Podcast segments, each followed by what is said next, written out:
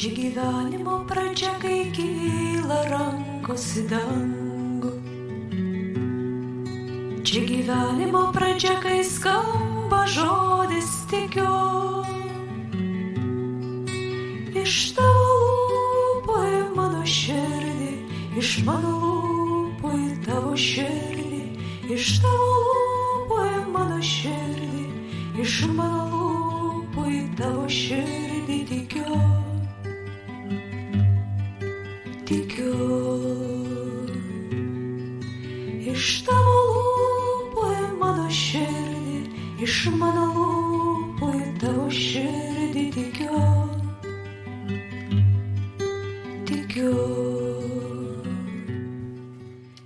Sveiki, mėly mano bičiuliai, visi tikėjimo pilgrimai. Dievo ramybės, Dievo malonės jums. Šiandien laidoje mes kalbėsime labai aktualią ir svarbę temą. Taip, apie karą Ukrainoje, bet iš teologinės, ne politinės pusės. Aš stebiu, kad šiuo nelengvu metu krikščionims nelengva atsirinkti ir suprasti, atsakyti į esminius klausimus gėrio ir blogio, tiesos ir melo. Ir apskritai karas kaip reiškinys gali sujaukti mūsų tikėjimą. Praeitą kartą aš kalbėjau remdamasis šventuoju raštu. Šiandien aš jūs supažindinsiu su mokymu, kuris daro labai didelį įtaką ne tik tai Putinui, ne tik tai Rusijos valdžiai, bet kuriuo savo pamokslus dar iki karo, bet ir prasidėjus karui, grindžia Rusijos ortodoksų bažnyčios patriarchai. Tai mums padeda suprasti, kai mes pasižiūrime, na, kuogi jie tiki, kuo remiasi. Mums tampa aišku, na, tas apakimas, ta, tas įtužis, ta neapykanta, su kuria kovojamas šis karas. Taip, jei nesate šio kanalo prie.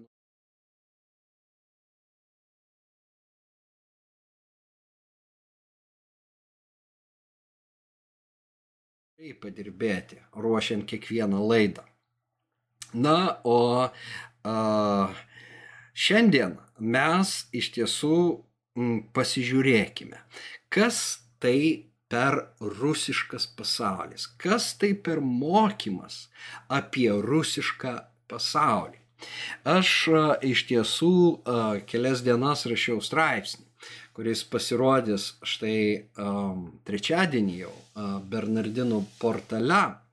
Ir aš kviečiu jūs tikrai jį perskaityti, ten kur kas detaliau jūs susipažinsite su šituo mokymu, kurį rusų, uh, net, atsiprašau, kurį ortodoksų teologai pasmerkė kaip eretišką. Na, pats žodis ortodoksija yra tas, na, teisingas, tikras mokymas. Ne, vartojamas ne tik stačia tikybėje, bet ir kitose konfesijose. Na, o kaip jau jo priešingybė yra erezija. Ir mes regime šiandien iš tiesų istorinį dalyką, ne tik patį karą, bet kaip bažnyčia,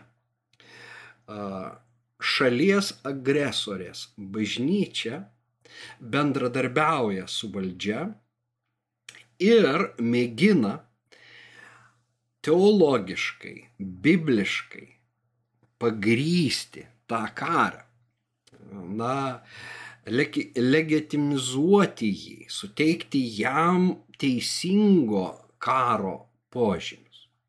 Bet tai yra melas. Ir kai tai daro hierarchai, bažnyčios hierarchai, iš tiesų, na, reikalinga drąsiai, bet be kompromisiškai jų mokymą, jų pamoksluose, jų tekstuose skambančias tezes paneigti. Ir būtent kovo 13 dieną dešimtis ortodoksų teologų pasirašė dokumentą, kurį pavadino iš tiesų deklaracija dėl va, rusiško pasaulio mokymo eretiškumo. Ir a, iš tiesų jų teiginiai labai naudingi. Perskaitęs tą deklaraciją aš nustebau, kaip tai atkartoja vietomis mano paties mintis, kurias aš dėšiau štai praeitose laidose, prieš tris savaitės, prieš dvi savaitės ir prieš savaitę. Mano mintis, kurias aš užrašiau polemizuodamas Facebook'e, na, kai pasirodė straipsnis Kirilas didžiausia krikščionijos gėdą, būtent apie Maskvos patriarchą Kirilą. Ir tikrai šitas teologinis tekstas mane labai sustiprino, pagodė, nes buvau puolamas, kad čia tariamai Gėdriaus teologija, kažkokia originali, jis išsigalvoja dalykus, jis įskaito, ko nėra, sakykime, tame pačiame Kirilo pamoksle pasakytame uh, kovo 6 dieną. O štai dešimtis teologų, uh, na, kalba tą patį. Ir aš tarsi jaučiuosi, būdamas taip pat vienas iš balsų tame chore, toje harmonijoje, uh, sakančių, kad tai, ką skelbia Maskvos patriarchas, Maskvos patriarchato hierarchai, kunigai, nėra politiniai pareiškimai, nėra asmeninės nuomonės. Tai yra erezija, kurią krikščionis turi taip ir įvardinti. Tai yra visiškai klaidingi teiginiai. Ir jie sutepa šventą Dievo žodį. Jie išsuka, iškreipia Kristaus Evangeliją. Na, o bažnyčia yra pašaukta saugoti mokymo tyrumą. Ir tai nemenki dalykai. Tas iškreiptas rusiško pasaulio mokymas šiandien a, dėl jo, dėl šito mokymo, dėl to, kad juo fanatiškai tiki Putinas pralieja tūkstančių nekaltų žmonių kraują, nusineša vaikų gyvenimus. Na, sugriauti miestai, sugriauti gyvenimai, tai yra iš tiesų baisus karas, bet kažkur tai giliai motivacijos lygyje slypi religinės, religinis uolumus ir apsigavimas, kad na, ateina nauja tvarka. Šitą karą pateisina rezultatas, išaušiantis rytojus, kuris atneš visai kitokį pasaulį. Rusiškas pasaulis yra priešingybė vakarų pasauliu. Ir rusiškas pasaulis tariamai priešingai nei e, demokratinės valstybės nėra supuvęs. Ir e, patriarchas ir kiti galvoja, kad jie saugo krikščioniškas vertybės. Ir todėl turi teisę kovoti šią kovą. Kaip jis savo pamokslė sako, e, mes stojamės Kristaus šviesos pusė. Ir kurioj pusėje stovi tu. Na, supras, kad Rusija yra, mm, Rusijos kariuomenė yra kaip ta šviesos armija. O štai ukrainiečiai yra tiesiog JAV marionetė Ukraina. Ukrainiečių gyvybės jos nieko nereiškia, nes iškilusi yra didžiausia grėsmė ortodoksijai. Na, o štai a, tikri a, ortodoksai sako, ne, ne, ne, ne, grėsmę ortodoksijai iškėlė patriarchas Kirilas, kai Putinas užpuolė Ukrainą, tai patriarchas Kirilas užpuolė ortodoksų bažnyčią. Na ir tame tekste jie pradeda, reiškia, nagrinėti pagrindinius postulatus mokymo apie rusišką pasaulį. Na ir aš jums tiesiog paskaitysiu. Na visų pirma, įvardinamos rusiško pasaulio ribos ir uh, centrai. Šventosios Rusijos, uh, na, taip jinai vadinama, kartais didžioji Rusija, šventoji Rusija, geografinės ribos apima Rusiją, Ukrainą ir Baltarusiją. Kartais minima ir Moldova bei Kazakstanas. Tačiau čia jos nesustoja. E, etniniu aspektu šventai Rusijai priklauso visi etniniai rusai, kur jie be gyventų ir visame pasaulyje gyvenantis rusakalbiai žmonės. Na, šio pasaulio centras, rusiško pasaulio centras be abejo yra Maskva, O, klausykite, dvasiniu centru laikomas Kijevas. E, štai kodėl Putinui yra taip svarbu uh, užimti Kijevą. Taip, nuversti valdžią, dabartinę demokratiškai išrinktą valdžią, kuri neina jokius kompromisus su uh, režimu, su prievarta ateinančia iš Maskvos pusės. Bet taip pat ten yra vat ir šitas dėmo, kad Kyivas laikomas visos Rusijos motina.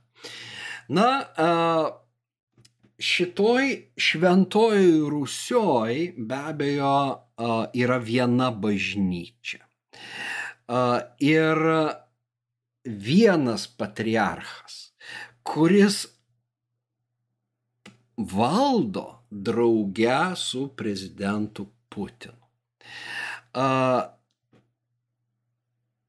Sakoma, harmoningai arba simfoniškai patriarchas veikia su vienu visų prezidentų Putinu. Ir jam vadovaujant šiame rusiškame pasaulyje palaikomas visiems bendras ir savitas dvasingumas moralė ir kultūra. Na, o jau supuvę vakarai, kurie vadovaujant JAF ir kitoms Europos demokratinių valstybių vadovams be abejo priešinasi šiam rusiškam pasauliui. Kodėl? Nes jie yra kapituliavę, seniai kapituliavę prieš liberalizmą, global, globalizaciją, jie pilni krikščion, krikščionofobijos. Na ir labiausiai tai jie yra kapituliavę prieš homo, homoseksualų teises ir a, apimti militaristinės sekularizacijos. Tai vieninteliu būtent a, grinos ortodoksijos ir sikių krikščioniškų vertybių gynėjų yra likęs Maskvos patriarchatas, kuris drauge su Putinu ir yra pašauktas, na, šitą šviesą, Kristaus šviesą atnešti likusiam pasauliu. Na, tokios būtų pagrindinės tezės šito mokymo. O dabar pasižiūrėkime į tezes, kurios paremtos švento rašto vietomis, a, kuriomis ortodoksų teologai šitą mokymą sugriauna, paneigia ir įvardina kaip uh, ereziją. Pirmoji tezė. Mano karalystė ne iš šio pasaulio. Jeigu mano karalystė būtų iš šio pasaulio, mano tarnai kovotų, kad nebūčiau atiduotas judėjams. Bet mano karalystė ne iš čia. Na, Jėzaus pasakyti žodžiai pilotui apie jo karalystės pobūdį. Na ir a, deklaracijos autoriai paaiškina, kad viešpaties Jėzaus Kristaus karalystė, tai yra teisumo, ramybės ir džiaugsmo šventojo dvasioje karalystė. Ir šita karalystė yra visos žmonių istorijos a, tikslas, telos, graikiškai. Na, tik tokia karalystė gali būti ortodoksų krikščionių pamatas. Ir ne tik ortodoksų. Tokia karalystė yra visų krikščioniškų konfesijų pamatas. Todėl jie atmeta rusiško pasaulio mokymą ir bet kokį kitą mokymą, kuris siekia pakeisti Dievo karalystę šio pasaulio karalystę. Ir visai nesvarbu, ar tai būtų šventos Rusios, ar šventos Bizantijos, ar na, kurios nors kitos a, karalystės a, vardu ta a, na, pasaulio karalystė prisistatytų.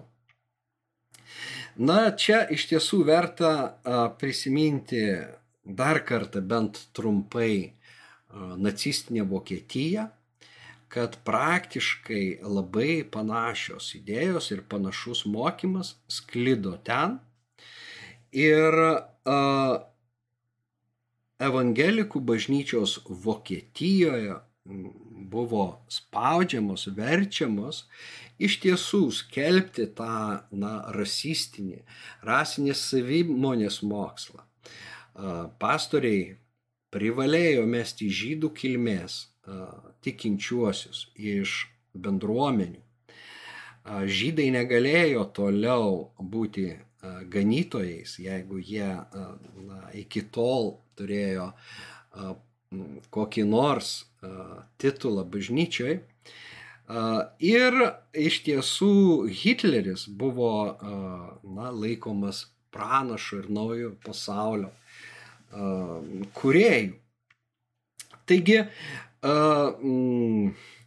yra pasmerkiama bet kokia, bet kokia va tokia forma, bet koks mokymas, kuris sutapatina Dievo karalystę ir kuriai nors valstybei, tautai, rasiai priskiria tas, na, telos funkcijas, kažko, kažkok, kažkokio lemtingo istorinio o, posūkio vaidmenį. Ne, Evangelija apie tai nes, nešneka.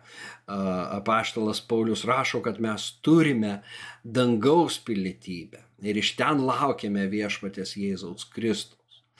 Ir laiškas Diognetui, kurį cituoja šio teksto autoriai, sako, kad krikščionys gyvena savo tėviškėse, bet kaip laikini, dalyvauja visuose reikaluose kaip piliečiai.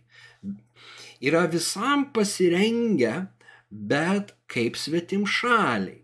Kiekvienas svetimas kraštas jiems yra tėvynė, o kiekviena tėvynė jiems svetima. Na, pasižiūrėkime, kokia yra antroji tezė. Taigi atiduokite, kas Cezario Cezariui ir kas Dievo Dievui. Na ir deklaracija sako, kad mes, laukdami galutinio Dievo karalystės triumfo, pripažįstame vienintelę ir aukščiausią viešpatės Jėzaus Kristaus valdžią. Todėl smergdami pripažįstame neortodoksinių ir atmetame bet kokį mokinį, e, mokymą, kuris subordinuoja Dievo karalystę ieškodamas kitų bažnytinių ar pasaulietinių valdovų bet kokiai šio pasaulio karalystė.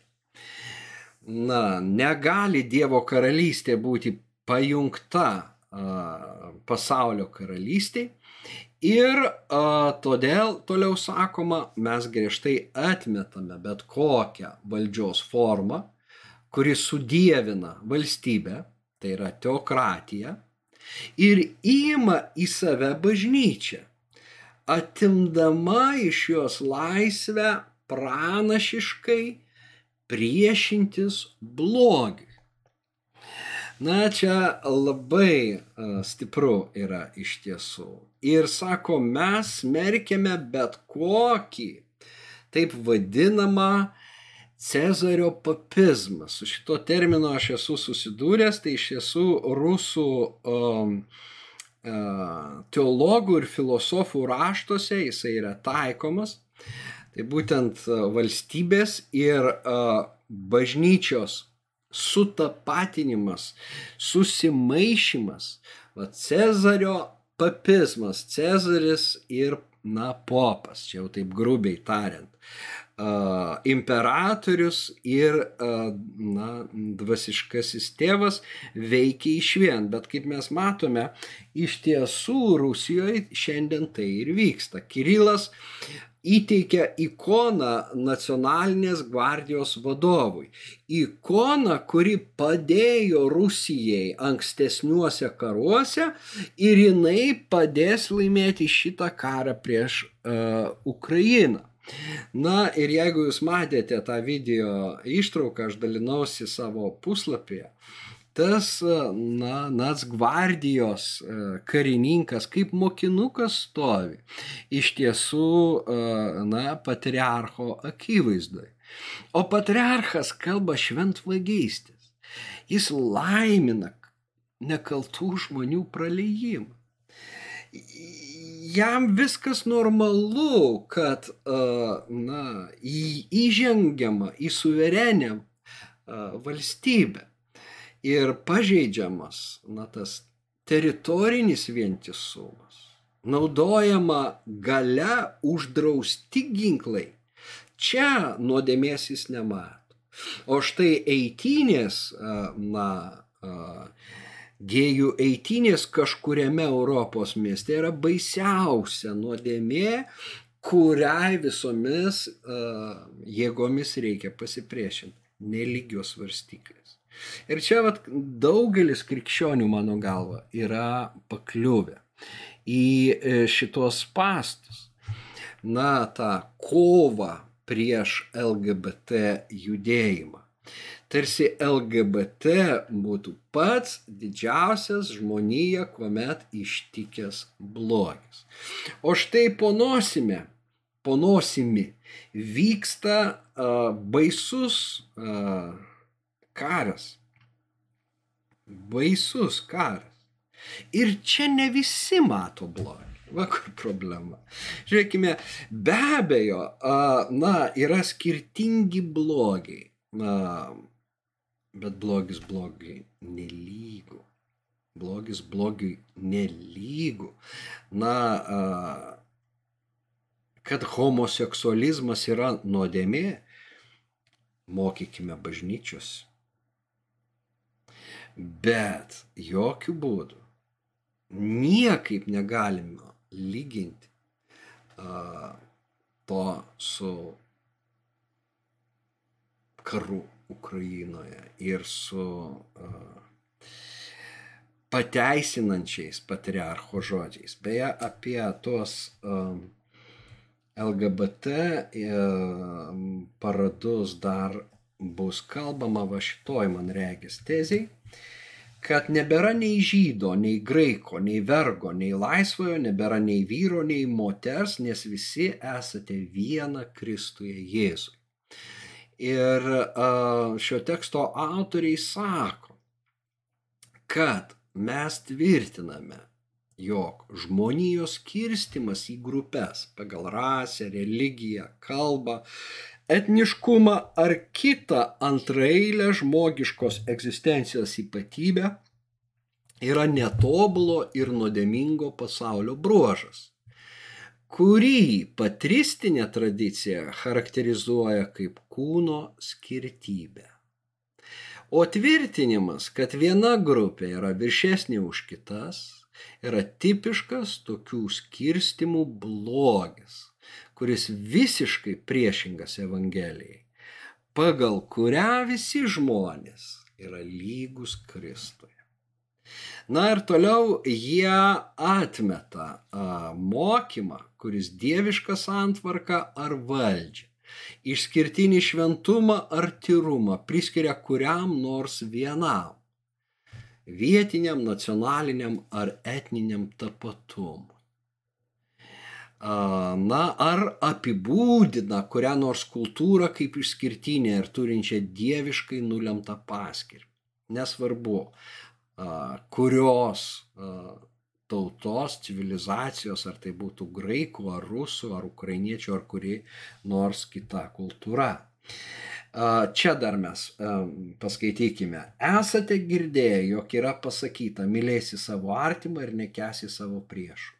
O aš jums sakau, mylėkite savo priešus ir melskitės už savo persekiotojus, kad būtumėte sunumis savo tėvo esančio danguje.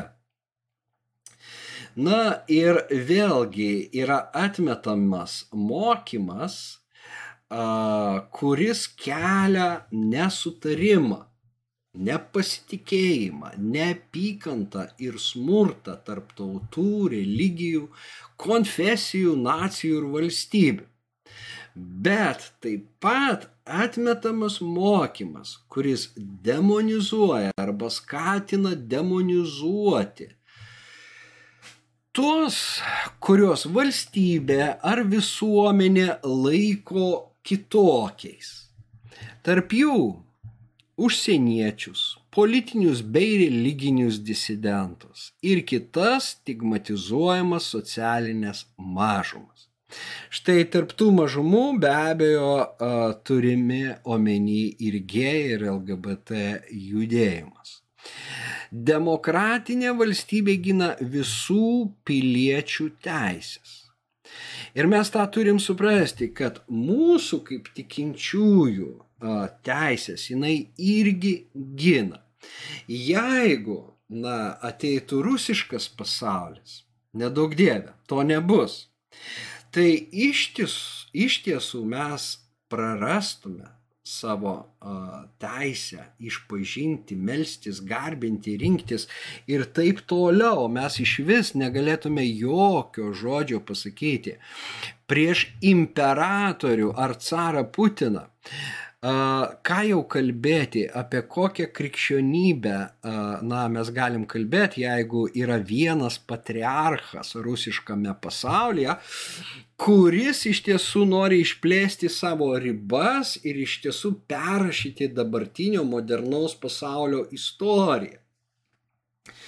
Ir uh, vat net prieš laidą aš girdėjau tokį komentarą ukrainiečio. Uh, kad jisai sako, Putinui nesvarbu, kad e, daromi karo nusikaltimai ir kad jis galiausiai bus patrauktas į Hagos teismą, tai tribunolą ar jungtinių uh, tautų uh, teismą.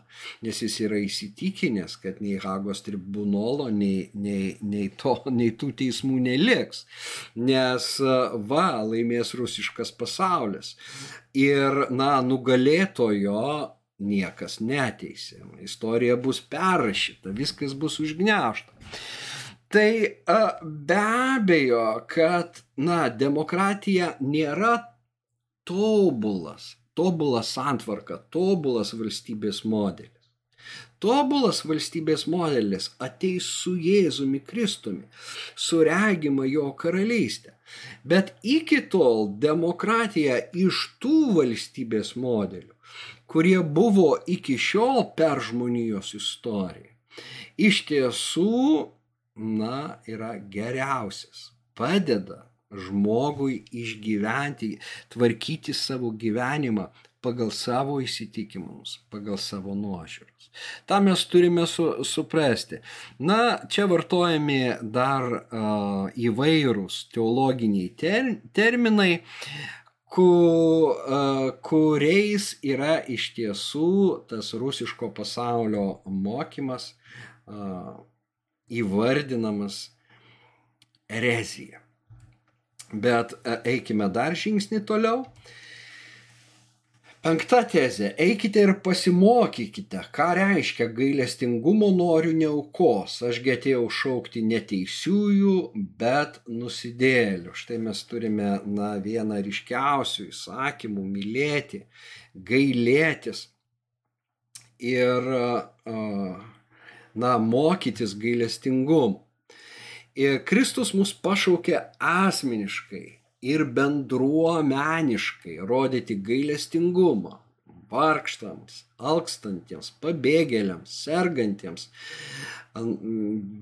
visokiojopai kenčiantiems, na, siekti teisingumo tiems, kurie yra persekiojami, spaudžiami vargo, stokojantys. Ir tada yra pateikiamas palyginimas apie gailestingą į samarietį, kurį a, aš a, skaičiau praeitoje laidoje, a, na, irgi kalbėdamas apie karą. E, tai va tas man labai iš tiesų nuostabu. Ir čia sakoma, kad jeigu mes vietoj gailestingumo parodym mes mušame savo artimą, apiplėšėme jį. Ar ne tai, kas vyksta dabar Ukrainoje? Aš girdėjau, ka, kad aš grįšiu prie šitos minties, na, kad kai kurie krikščionys sako, na, reikia mylėti savo priešus ir taiko tai ukrainiečiams, kad jie turi mylėti agresorių. Ir bet aš kalbėjau apie tai iš tiesų praeitą kartą kad meilė pasireiškia tik tuo atveju ją yra atgaila, kitu atveju jinai negali pasiekti to žmogaus. Kaip tas plėšikas ant kryžiaus, jisai atgailauja ir sako, prisimink mane viešpatie, kai būsi savo karalystėje. Štai, kai plėšikas atsiverčia, jis išgyvena Kristaus meilę ir prieimimą. Tačiau kitas pikžodžiauja Ir ten meilė negali iš tiesų būti apreikšta. Kai Rusija pikžodžiauja, Rusijos Kremliaus propagandistai toliau skatina neapykantą ir žmonės palaiko e, karą ir žudimą, nors tikrasis vaizdas nuo jų yra slepiamas, meilė negali būti apreikšta. Bet žiūrėkime, čia yra į kitą pusę nukreipiamas šitas tekstas, eikite ir pasimokykite, ką reiškia gailestingumo noriu, o ne aukos. Į uh, rusų pusę ir sakoma, kad tu turi na, mylėti, gailėti savo artimo, o tu pradedi jį mušti visai tu palieki jį šalikelėje kentėti ir galiausiai mirti. Kaip tai atitinka Kristaus dvasia ir Evangelija? Tai priešinga ortodoksijai, sveikam mokymui. Todėl tokios nuostatos yra smerktinos, o pats mokymas yra laikytinas eretišku. Tai va, ir dar jie pasako, kad tas na, vartojamas toks kvietizmas, reiškia terminas būk tylus, būk romus, na, nuolaidžiauk, kitais žodžiais tariant.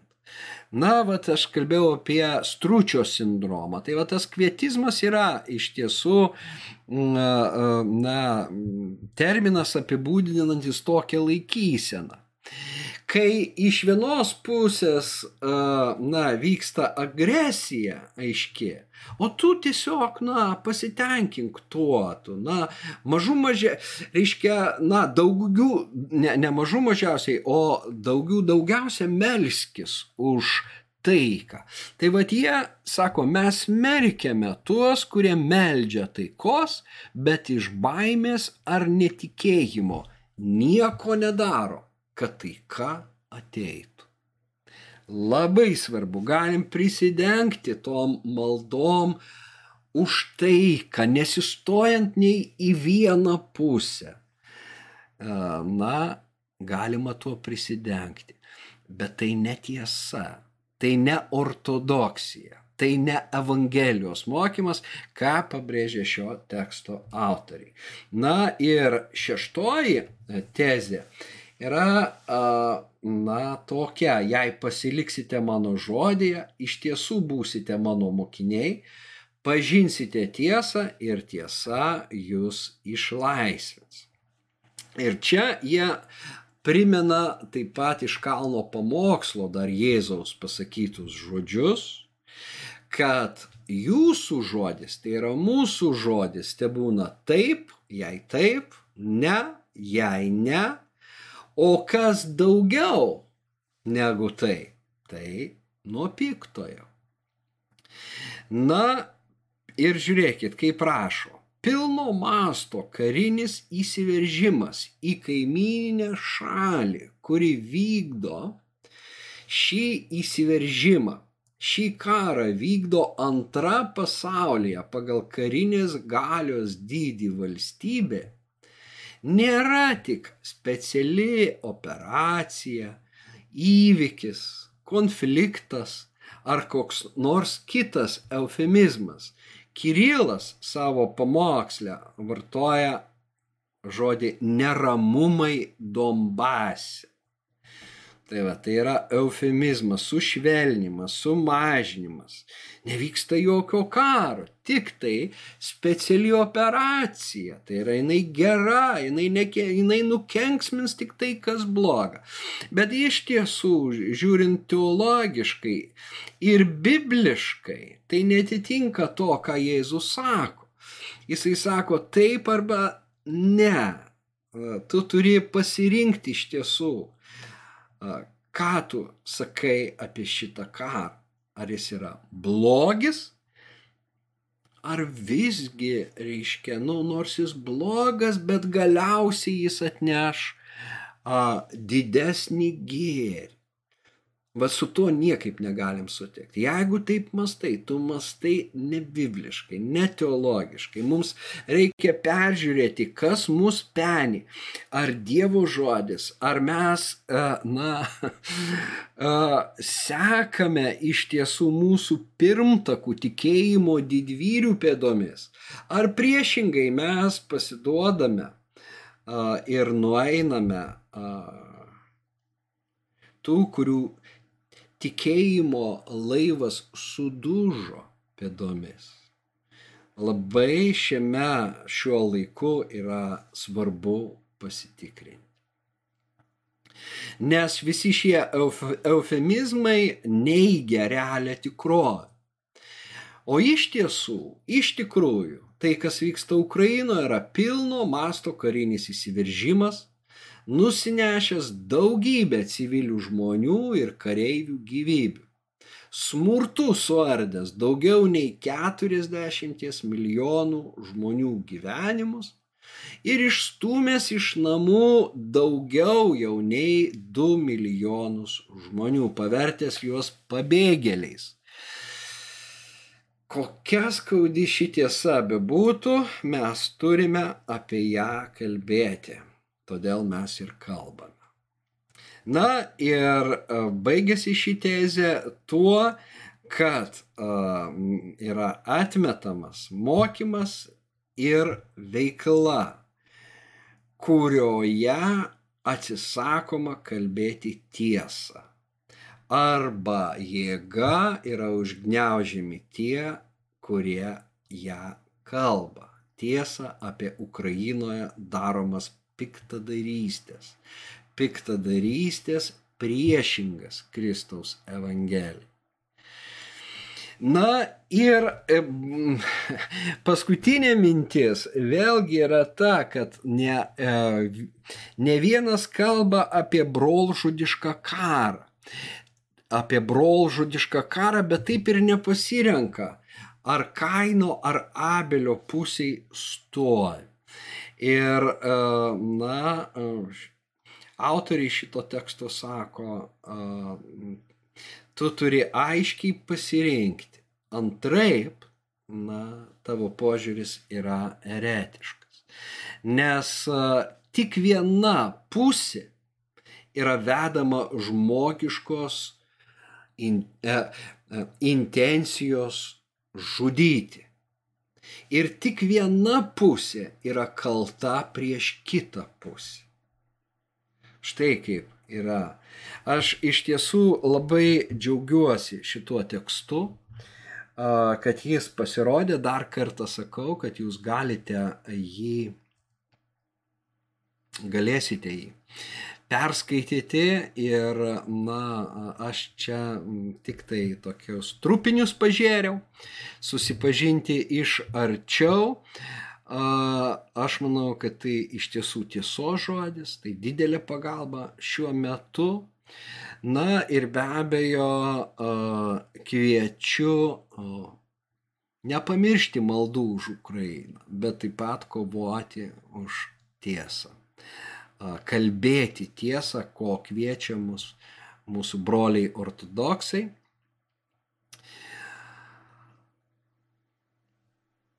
Tai tiek šitam kartui regis viską pasakiau, iki kitų malonių susitikimų. Sudė.